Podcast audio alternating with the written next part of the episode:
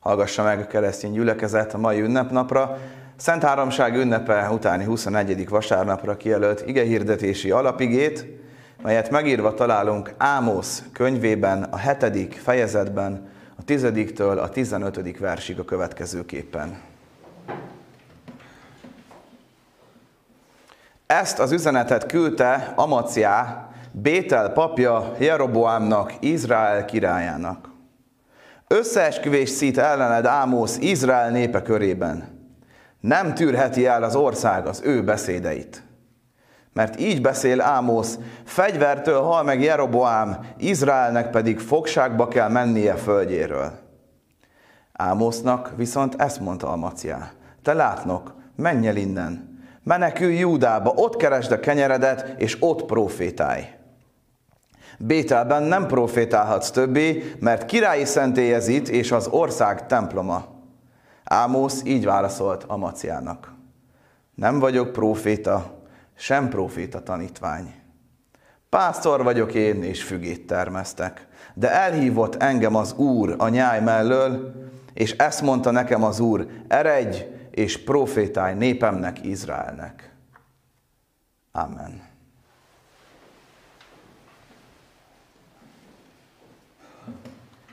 Keresztény gyülekezet, szeretett testvéreim az Úr Jézus Krisztusban.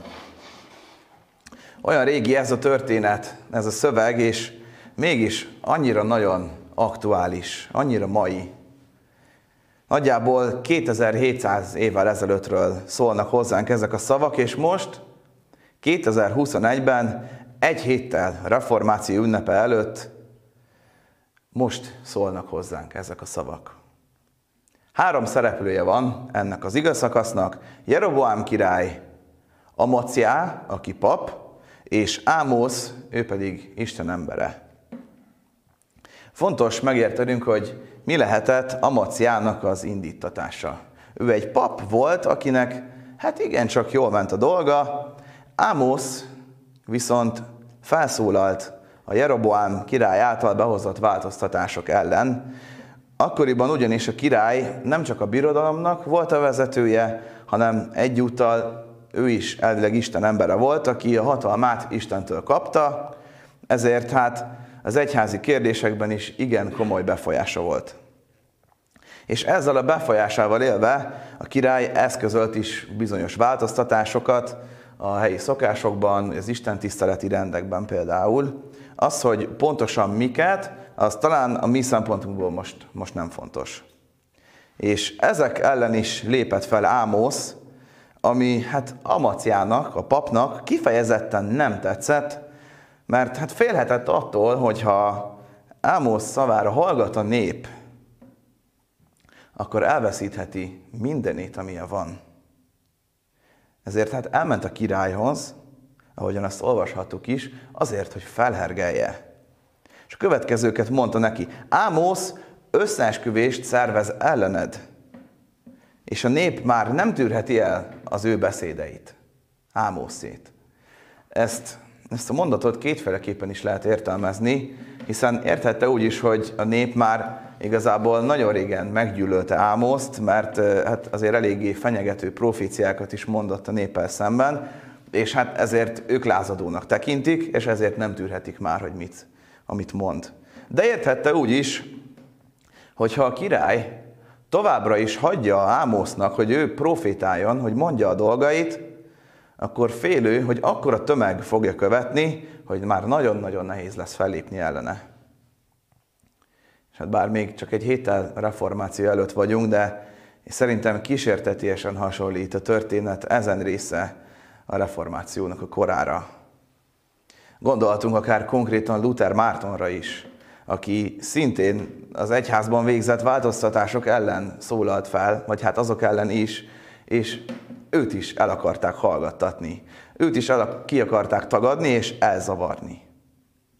Ugyanezt akarja tenni Amaciá is Ámosszal. Még hazugságokat is kitalál.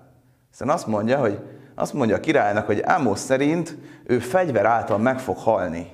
Pedig Ámosz nem is jövendőlt semmi ilyesmit Jeroboám halálával kapcsolatban. Viszont a történetből nem derül ki, hogy a király hogyan reagál mindenre, Ezért hát mit volt mit tenni, Amaciát megy is tovább, és megkeresi közvetlenül Ámózt. És ezt mondja neki, te látnok, menj el innen, menekülj Júdába, ott keresd a kenyered, és ott profétálj. Először érezhetjük úgy is, mintha, mintha ő aggódna Ámószér. Nem? Hogy menj el, menekülj, jó lesz neked ott. Figyelmezteti, hogy meneküljön el, de hát feltehetőleg szó sincs ilyesmiről. Ráadásul Amacia ezt nagyon okosan csinálja, hiszen Ámosz, ő Júdából valósi, és mind a ketten valószínűleg pontosan tudhatták, hogy az akkori júdai király, ő sokkal elnézőbb és elfogadóbb volt a profétákkal szemben. És ezért is kifejezetten ravasz az, ahogyan Amacia ezt mondja. Mert felkínálja neki a lehetőséget, hogy hazamehet. Ráadásul mondhatja nyugodtan a dolgait, senkit nem fog zavarni vele, sőt, az is lehet, hogy még jobb élete lesz, hiszen a király ugye jobban szereti a profitágat, mint ahol épp, ahol épp most van, akár többet is kereshet, jobban is élhet, és még a veszélyforrás is eltűnik az életéből. Azért ez egy elég csábító ajánlat. De ezután egyből kibújik a szög a zsákból, hiszen ezt mondja Amacia, Bétel papja. Bételben nem profétálhatsz többé, mert királyi szentélyez itt, és az ország temploma. Itt is újra előjön az, hogy a királynak mekkora egyházi befolyása is volt akkoriban. Királyi szentély. Az ország temploma. Királyi szentély. Ezekkel is azt akar érzékeltetni, hogy Ámosz nem való ide, és minél hamarabb menjen el az országból. El akarja üldözni, el akarja hallgattatni. Viszont nagyon tanulságos, ahogyan a prófita válaszol ezekre a mondatokra. Nem vagyok prófita, sem prófita tanítvány. Egyes fordításokban profétának fia. Ezt azért mondhatta, mert azt akarta éreztetni, hogy ő nem egy olyan valaki, aki már gyerekkorától kezdve profétának tanult a proféta iskolákban, mert akkoriban voltak ilyenek, sem pedig családi hagyomány vagy családi örökség útján lett proféta, hanem külön, személyesen Istentől kapta az elhívását. Istentől kapta a megbízását. Ez azért nagyon fontos, mert ha azzal, hogy eleget tesz Amaciák kérésének, nem csak feladja a hivatását, hanem Isten igáját kellett volna letörnie magáról. Ámosz belátja, hogy ő nem egy értelmiségi közegből származó valaki, ő csak egy pásztor, aki fügét termesztett. És Jézus sem értelmiségi embereket hívott el feltétlen tanítványainak. Viszont később ők lettek azok, akik az ősgyülekezetet és az egész egyháznak a vezetői lettek, és tovább vitték Jézus tanításait és feltámadásának a hírét. Ámosz is egy ilyen egyszerű ember volt, de Isten alkalmassá tette a feladatra, amit szánt neki, és Ámosz nem is ijedt el ezektől a fenyegetésektől, hanem tovább hirdette Isten igéjét. Az új szövetségben több ilyen hasonló példáról is olvashatunk. Gondoljunk csak István diakónusra, akit az apostolok választottak ki, mert Szentlélekkel telt ember volt, így olvashatjuk a Bibliában. És ez a Szentlélekkel telt ember ment és hirdette Isten igéjét. De egy idő után kezdte szúrni a farizeusok szemét, ahogyan István beszélt. Nem, nem tetszett nekik. És Amaciához hasonlóan ők is el akarták hallgattatni Istvánt. Ők is kitaláltak hazug vádakat, hogy megkövezhessék Istvánt, és végül így is lett, de ő akkor se ijedt el, hiszen Istentől kapta a küldetését. Ahogyan mi is, itt, akik itt vagyunk a templomban, Istentől kaptuk a feladatunkat. Mindenki másképpen másmilyen feladatot kapott, de igenis mindannyiunknak feladata van. Nekem például ma éppen az, hogy prédikáljak és szolgáljak, és remélhetőleg az, hogy tegyem ezt majd a jövőben is, de nem tudom, hogy valaha egyáltalán alkalmas leszek erre a feladatra magamtól. Talán soha. Azt mondják, a jó pap holtig tanul. Hát remélem, hogy ez nekem még jóval odébb van, ezért még rengeteg mindent tanulhatok, de ez, ha belegondolunk, azt is jelenti, hogy sohasem lehetünk teljesen készek. Nem készül el. Soha. És ez nem csak a papokra vagy a lelkészekre vonatkozik, hanem rátok is, kedves testvérek, mindannyiunkra. Hiszen Isten az, aki tanít minket. Ő az, aki ő szól hozzátok, hozzánk. Ma is, most éppen rajtam keresztül. Ő az, aki alkalmassá tesz minket a feladatainkra. És abban bízom, hogy Isten fog engem is alkalmassá tenni az ő szolgálatára, mert én magamtól nem tudnék alkalmas lenni. Ahogyan Saul sem volt alkalmas apostolnak, hiszen konkrétan üldözte a keresztényeket. Ő maga kért engedélyt, hogy még több helyre mehessen, hogy Jézus követőit elfoghassa, elhurcolja, kivégeztethesse. Hát mégis milyen alap ez egy apostolnak, nem? És mégis Isten ezt mondja Anániásnak, menj el, mert választott eszközöm ő, hogy elvigye a nevemet a népek, a királyok és Izrael fiai elé. Isten kiválasztotta magának Pálapostolt eszközének, és alkalmassá tette. Az Úr, az a Jézus, aki megjelent neked az úton, amelyen jöttél, azért küldött engem, hogy újra láss és megtelj szent lélekkel. Ezt mondja Anániás Pálapostolnak. És itt is ugyanazt olvashatjuk, mint Istvánnál, hogy megtelj szent lélekkel. És mit csinált Pálapostol is egyből? Miután meggyógyult és erőre kapott, megtelve szent lélekkel elkezdte hirdetni, hogy Jézus a Krisztus. Később persze neki is megvoltak a maga amaciái, akik el akarták hallgattatni, akik el akarták üldözni, de ő benne is erősebb volt a vágy, hogy Krisztus haláláról és feltámadásáról szóljon, mint a félelem. Hasonlóképpen Lutherhez, aki a maga korában, mint ahogyan azt korábban már érintettem is, szintén fellépett a hatalommal szemben. És neki is több fronton is küzdenie kellett a maga amaciáival hiszen a pápa is el akarta hallgattatni. Voltak uralkodók, fejedelmek, akik szintén a pápát támogatva ők is üldözték.